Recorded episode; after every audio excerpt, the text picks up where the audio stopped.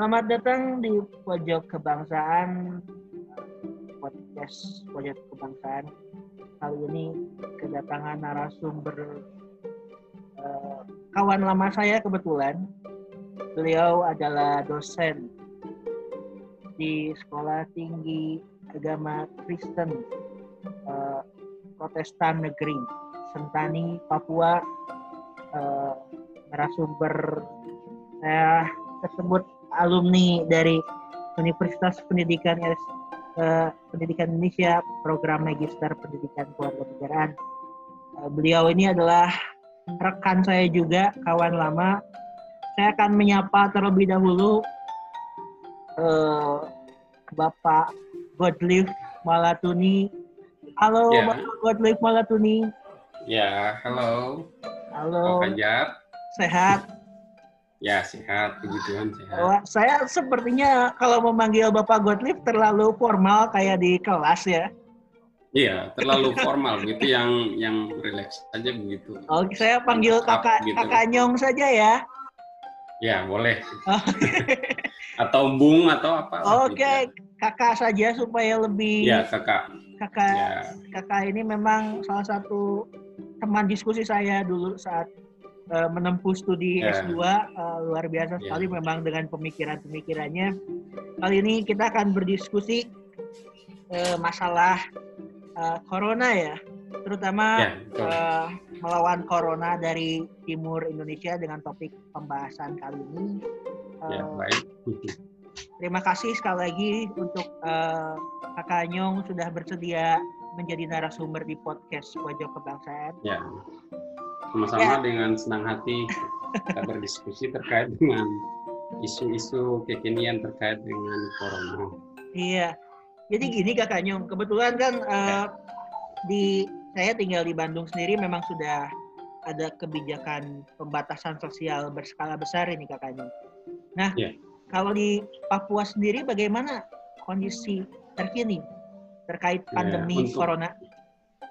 Untuk di di Papua sini kan memang eh, pemerintah daerah di Papua itu kemudian cenderung mengambil langkah yang selaras dengan pemerintah pusat kurang lebih memperlakukan hal yang sama jadi untuk oh, bandara misalnya itu hmm. sudah ditutup gitu tidak beroperasi lagi tidak membawa penumpang lagi yang yeah. hanya beroperasi eh, pesawat-pesawat saja yang membawa bahan makanan. Tapi logistik ya kakak ya? Iya, ya logistik. Tapi untuk uh, penumpang itu sudah dilarang, dilarang keras oleh gubernur hmm. Lukas NMB, Pak Lukas NMB. Selain itu untuk pelabuhan memang tidak apa diizinkan lagi untuk membawa manusia ke Papua. Itu karena eh, salah satu dokter di Papua itu dia kemudian mengatakan dengan keras sekali. Dia bilang kalau anda datang ke Papua anda akan mati itu katanya. Tidak memberikan sinyal. Sudah memberikan yang ya, ya memberikan sinyal, sinyal supaya betul orang kemudian hati-hati datang ke Papua itu. karena pertama persediaan apa namanya baju pelindung itu berkurang. Dokter dokter paru itu si Papua hanya tujuh. Hmm. Papua itu hanya tujuh. Gitu. Ya, Jadi ya. yang ditakutkan itu dokter yang terkenal lalu kemudian makin berkurang lagi.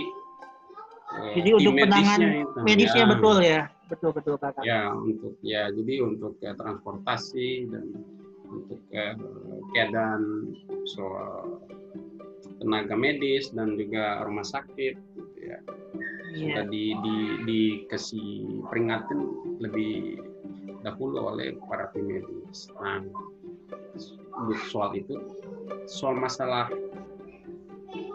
masyarakat itu, uh, pemerintah itu dia kemudian mengeluarkan kebijakan untuk tinggal di rumah saja.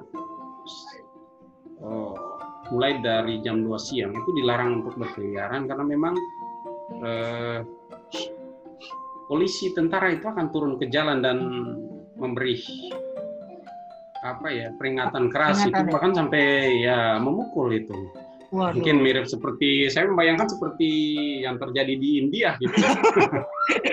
Jadi memang agak-agak memang ya. ada represif gitu ya tindakan represif aparat terhadap apabila ada masyarakat yang tidak ya. disiplin ya. Ya. Itu jadi tindakan keras gitu karena rata-rata kesadaran warga negara itu masih berkurang sekali. Gitu hmm. soal instruksi dari pemerintah itu sangat eh, apa ya tidak tidak dilakukan itu. Kesadaran yang bertanggung jawab sebagai warga negara yang baik itu kemudian tidak dimunculkan saat keadaan begini.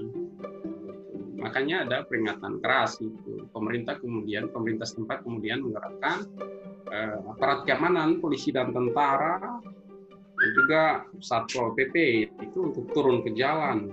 Hmm, iya iya. Supaya apa memberi hukuman yang tegas bagi warga yang tidak patuh terhadap anjuran dari pemerintah. Untuk data sendiri eh, ke Kanyong di sana tuh kalau sudah eh, apa menurut update eh, yang terbaru mungkin uh, datanya ada berapa kalau di Bandung ini memang yeah. di kota Bandung di tempat saya tinggal juga sudah termasuk zona merah karena uh, apa ya namanya persebaran uh, apa pergerakan manusia itu sangat sangat sangat mobilitasnya itu tinggi jadi sehingga itu memicu virus corona. Bagaimana di sana terkait data uh, yang sudah positif atau orang dalam pengawasan? Yeah.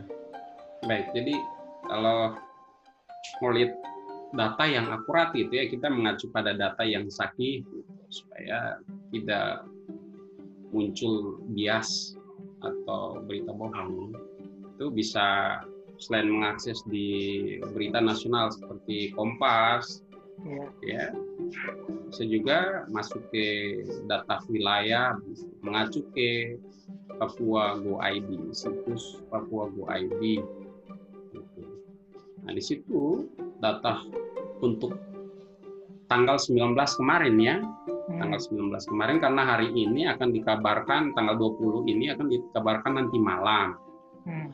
Jadi untuk tanggal 19 malam itu ada penambahan 12 kasus baru. Gitu.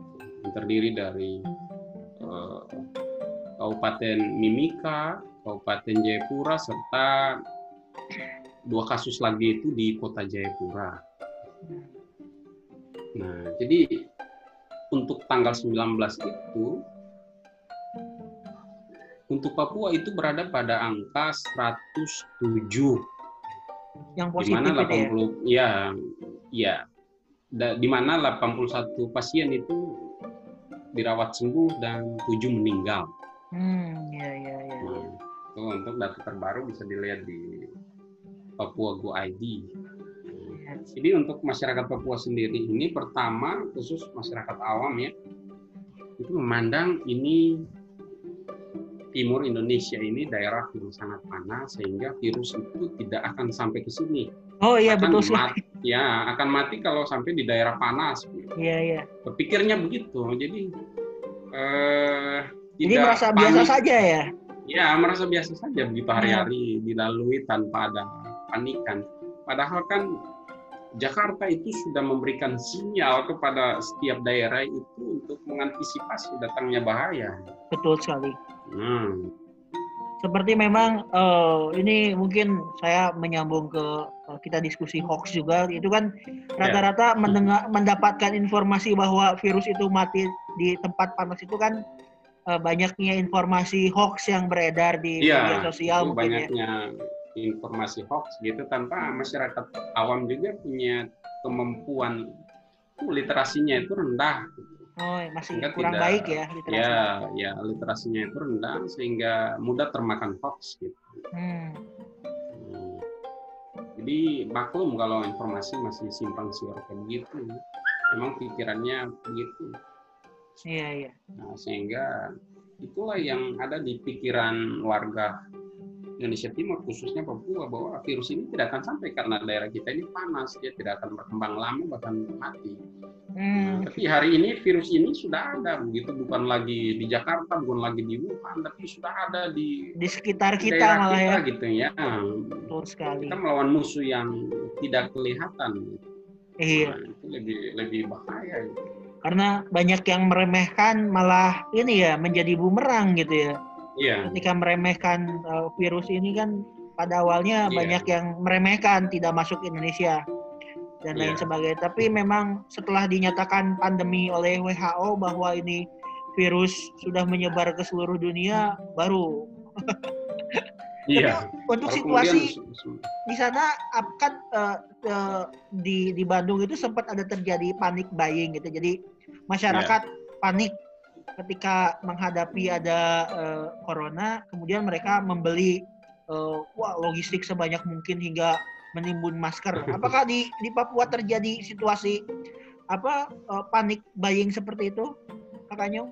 Uh, untuk di Papua sendiri soal kepanikan itu oh, tidak terlalu kelihatan ya.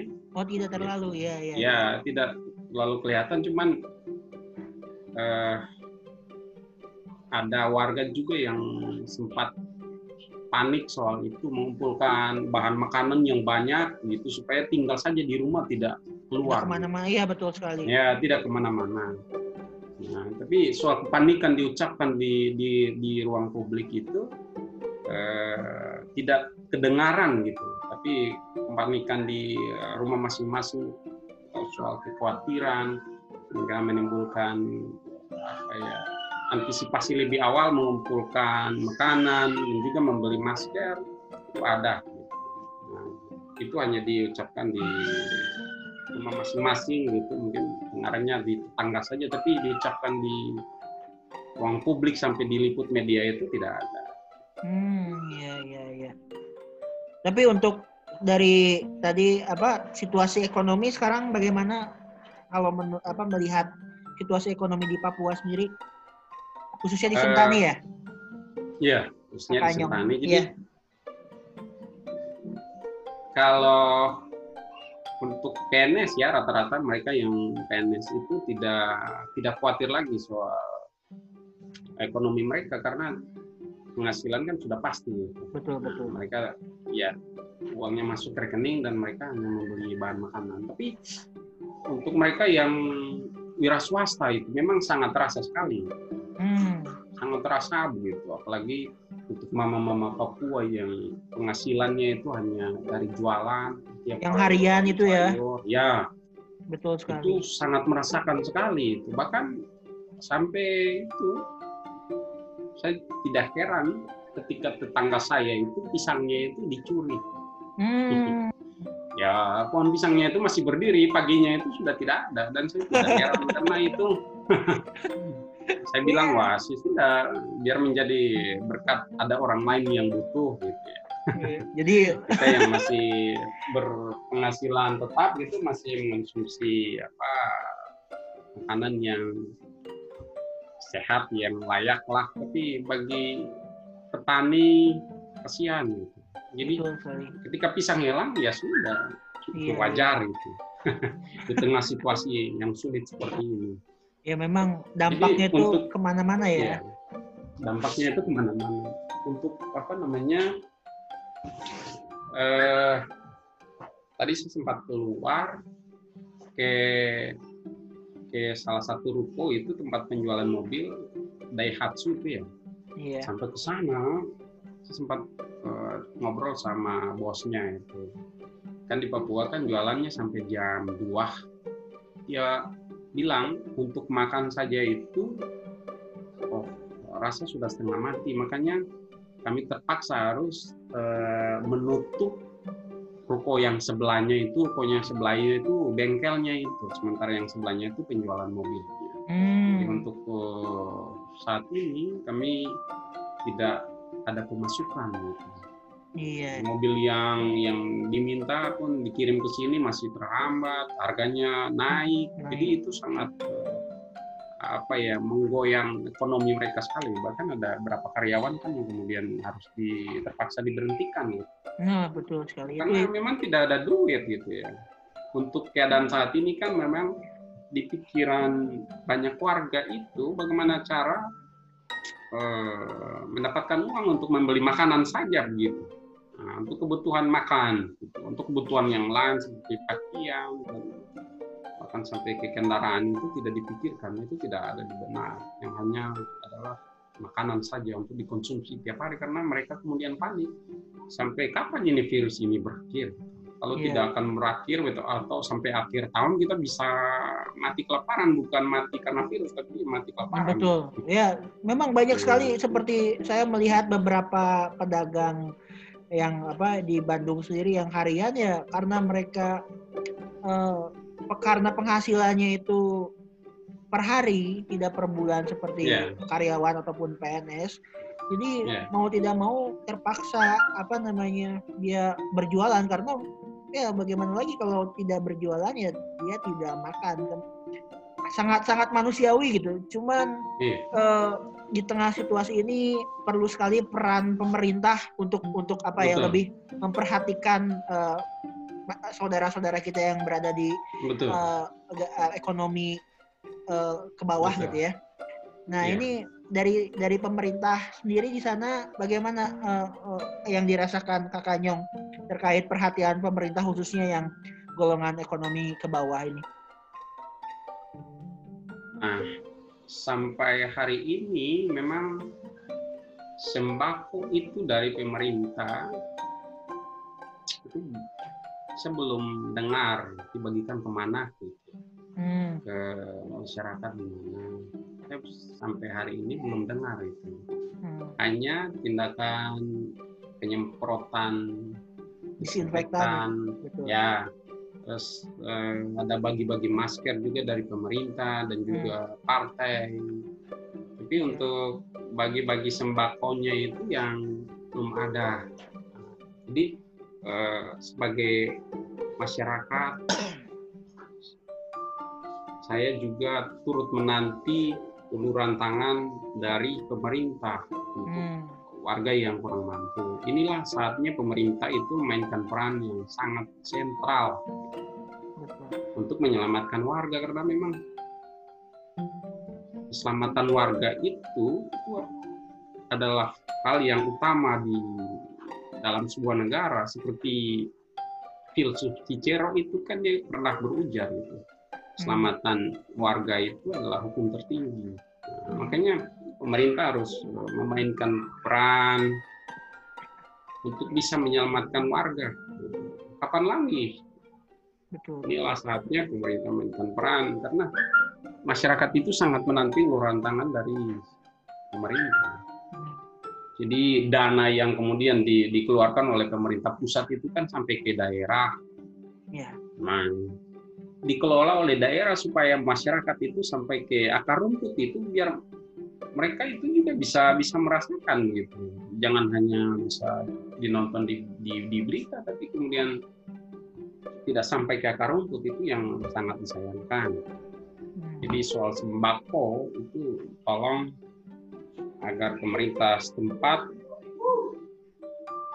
uh, bertindak segera. gitu yeah. untuk memberi kepada masyarakat yang kurang mampu dan pemerintah pusat juga harus uh, mengontrol itu supaya memang benar-benar sampai yeah. terus mengecek lagi terkadang memang Kayak dari itu. pemerintah pusat sudah didistribusikan namun permasalahan distribusi ini kadang jadi jadi jadi apa ya jadi masalah klasik di kita gitu tidak sampai ke tangan yang membutuhkan iya.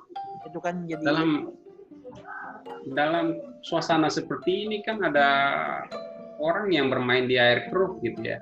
Oknum ya kakaknya. Nah, ya, jadi seperti ikan lele itu kan saat uh, air kabur itu ya. Dia kemudian lari gitu ya, di tengah-tengah di dalam gitu. Hmm.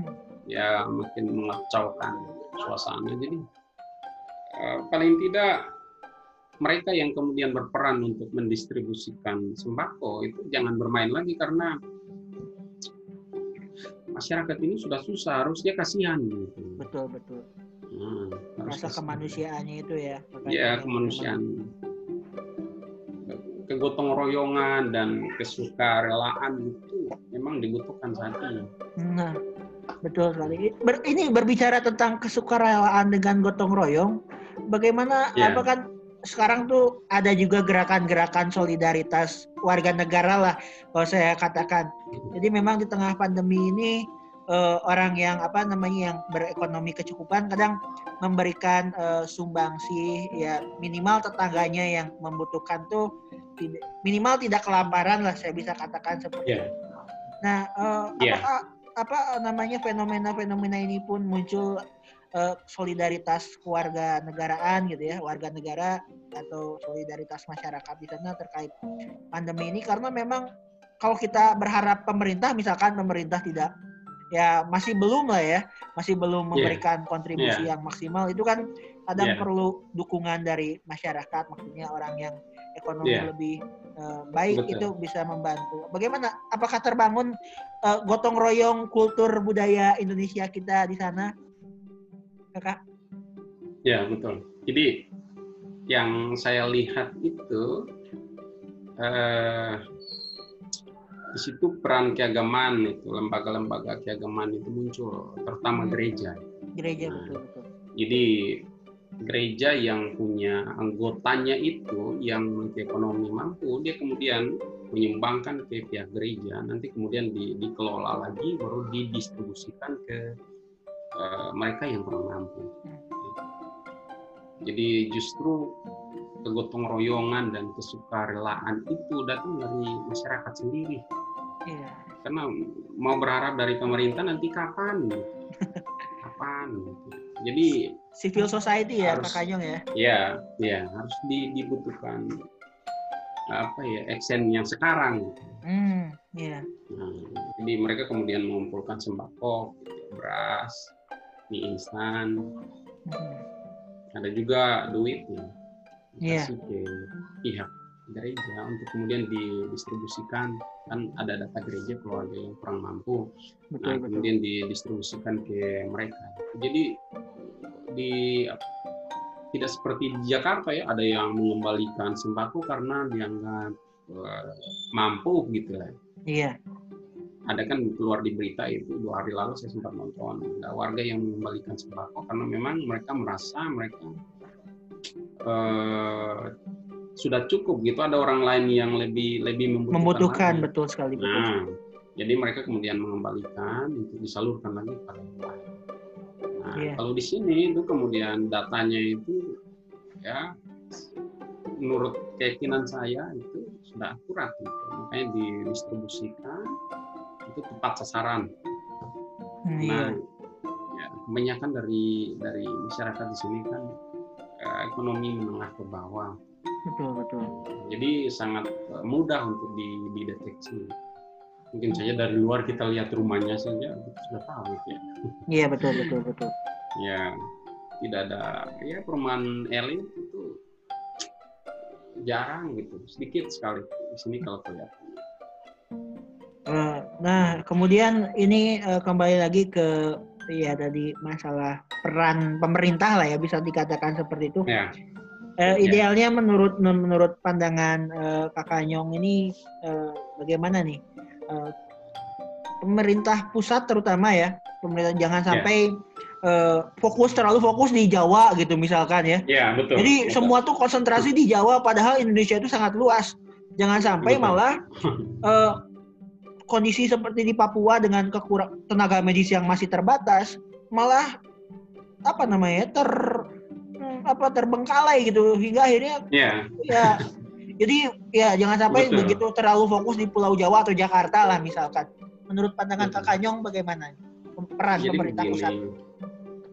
Indonesia itu adalah barat, tengah dan timur. Tidak boleh ada bagian yang tersungkur itu.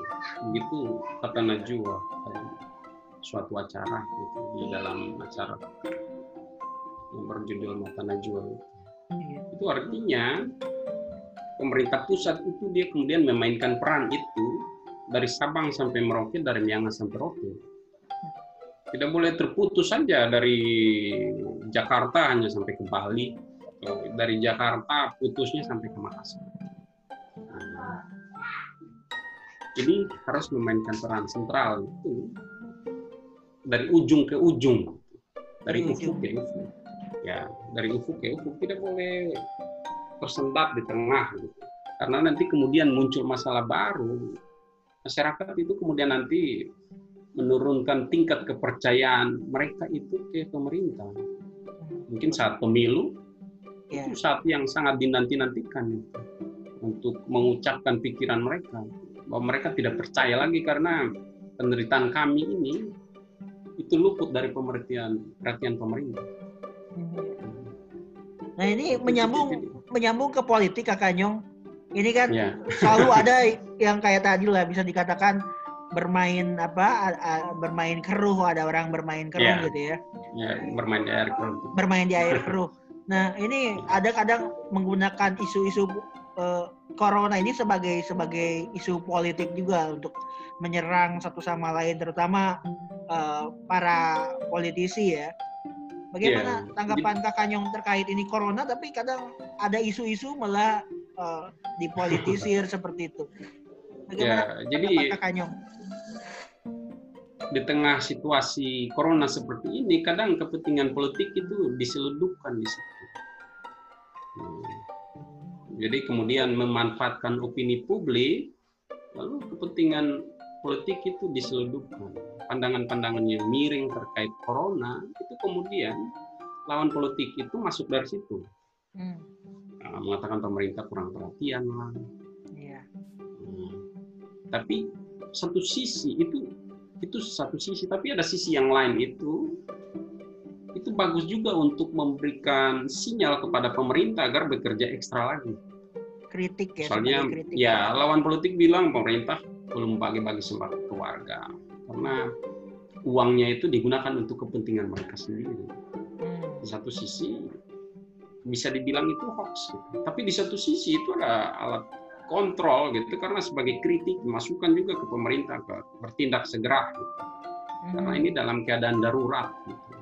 Suatu yang bersifat darurat itu harus bertindak segera jika tidak akan menimbulkan banyak kerugian.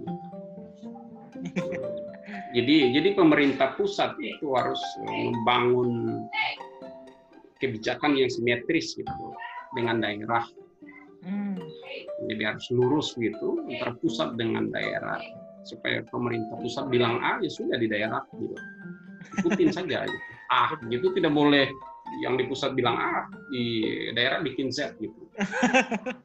ya, itu, nah, itu yang yang jadi ini ya permasalahan kita itu ya. Ya, yang yang jadi permasalahan itu karena kita ini negara kepulauan, jadi kadang oh otonomi daerah ini juga memberikan keluasan bagi daerah untuk bikin aturan yang kadang juga bertentangan gitu. Dengan pemerintah pusat betul. Ya, ya tidak ter... tidak tidak berada pada satu garis komando.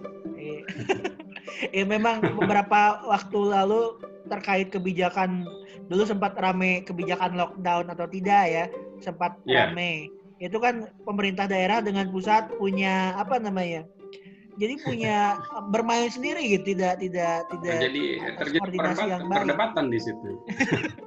Iya yang satu bilang lockdown yang satu bilang tidak usah makanya yeah. sekarang jadi PSBB ya memang secara secara peraturan yeah. undang-undangan itu ada pembatasan sosial berskala besar ya itu yeah. mulai mulai sekarang uh, apa ya Betul. lebih lebih uh, lebih uh, saya bisa katakan lebih koordinasinya lebih baik lah dibandingkan pada saat itu yeah. yang yeah. nampaknya pemerintah baik pemerintah pusat dan daerah itu panik melihat gejala-gejala yeah. corona seperti Betul. ini. Iya. Gitu kepanikan itu menimbulkan itu bias gitu dalam tindakan. Jadi kebijakan emosional bukan rasional ya kakak ya? Iya betul. Lebih tepatnya begitu. Irasional gitu ya. Irasional dan emosional. Nah, terjadi perdebatan di situ. Iya. Terutama ya memang banyak sekali eh, forum-forum uh, sekarang kan uh, apa ya saya melihat terutama ini saya menyinggung ke dunia pendidikan ya kak Kanyong dari sini yeah, uh, yeah, yeah, yeah. karena selaku uh, dosen dan akademisi kak Kanyong ini yeah. melihat perubahan budaya uh, apa namanya dari dari asalnya uh, konvensional ke digital terus terutama dalam pembelajaran ini ya dalam dalam konteks iya. pendidikan yeah. di yeah. situasi pandemi corona ini bagaimana apakah Papua uh, sudah menjalankan uh, hal yang sama terutama terkait pembelajaran online dan lain sebagainya jadi saya lihat di beberapa sekolah itu itu sudah ada belajar online gitu.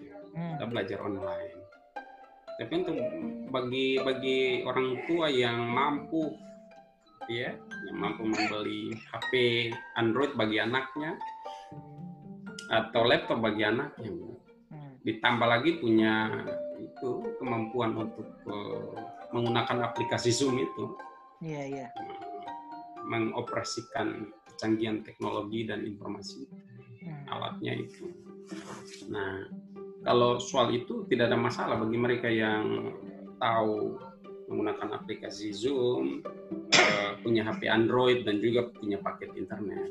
Tapi itu sedikit saja yang hmm. menjadi masalah itu sangat besar. Ya, Terutama bagi mereka yang punya HP yang biasa saja begitu. Di sini distilahkan apa ya NK. NK itu apa NK? NK itu Nokia kayu. Ada istilahnya ya NK. Ya Nokia kayu, jadi tidak bisa ngapa-ngapain gitu ya. ya tidak bisa ngapa-ngapain. Tapi untuk khusus di kampus Takkan Sentani sendiri itu rata-rata mahasiswa itu mereka datang dari keluarga yang kurang mampu. Hmm, nah, iya, datang iya. dari pegunungan, datang dari ada juga dari pulau-pulau. Hmm. Sehingga kuliah daring itu atau kuliah online itu tidak berjalan, tidak berjalan sama sekali. Belum efektif berarti kakak ya? Ya, tidak tidak berjalan sama sekali. Ya, yang dilakukan itu hanya memberikan tugas saja, kontak hmm. sama ketua angkatannya, terus dikasih tugas, nanti dikerjakan, masuk, nanti tugas itu kemudian dijadikan sebagai nilai tugas dan nilai UTS bahkan mungkin nilai UAS kalau pandemi ini tuh dalam jangka waktu yang lama. Ah iya. Sampai batas semester, semester itu atau tahun akademiknya itu berakhir ya. Satu semester berakhir ya sudah nilai itu kemudian dijadikan sebagai nilai UAS tugas yang itu hmm. diberikan. Tapi tugasnya itu kan bertumpuk-tumpuk, mahasiswa juga jadi stres gitu. Satu sisi bagaimana ya mau mau cari referensinya ini, cari buku harus keluar misalnya. Iya betul. Bagi yang tidak punya buku eh, harus searching dari internet. Bagaimana punya pakai data kalau tidak aku tidak punya uang untuk membeli atau tidak punya laptop atau tidak punya HP Android Iya. Jadi menimbulkan masalah. Jadi solusinya itu sedikit, itu jalan keluarnya itu sedikit, sementara masalah itu ya membesar. Sekali. Membesar betul. Ya, ya mungkin sama di Bandung juga beberapa seperti ya di universitas-universitas memang uh, menerapkan pembelajaran online pun permasalahan mahasiswa itu kuota gitu kan ya sekarang ya. Iya. Kayak biaya kuota yang kuota. cukup. Jadi alasannya itu memang kuota dan lain sebagainya sebagai sebagai mungkin pengajar dan lain sebagainya mungkin punya kebijaksanaan lain untuk mempermudah yeah. lah karena ini memang situasi di luar prediksi ya sehingga Betul. memang perlu kebijaksanaan dari semua pihak gitu ya. Yeah. Jadi dibutuhkan hikmat dan kebijaksanaan dari pimpinan karena ya. ini adalah sebuah fakta yang tidak bisa ditolak. Ya. Jadi harus dihadapi.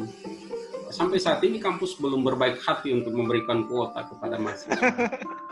Iya, memang beberapa kampus sudah melakukan kebijakan seperti memberikan seperti di UPI, kemudian ya, ya perguruan tinggi yang cukup besar lah di Indonesia itu yeah. uh, sudah yeah karena itu memang sudah ini ya maksudnya sudah bonafit dan lain sebagainya sehingga mampu yeah. biaya kuota uh, mahasiswa. Betul. Cuman yang perlu di, diperhatikan terutama Kemendikbud ini melihat permasalahan yang yang justru yang level menengah ke bawah ini harus harus jangan sampai proses yeah. pembelajaran tertinggal dan lain sebagainya. Iya, yeah, itu yang sangat disayangkan gitu. bagi mereka yang ya punya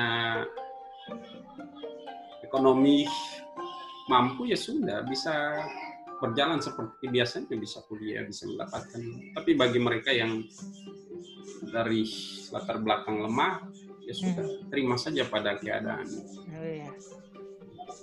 memang sekarang butuh apa ya namanya selain selain tapi ternyata di sisi lain memang banyak saya melihat inovasi-inovasi pembelajaran ya terutama yeah. uh, saya kadang menggunakan ini pun Zoom ataupun sekarang yeah. saya sedang menggunakan yeah. podcast ini ya untuk salah yeah. satu materi.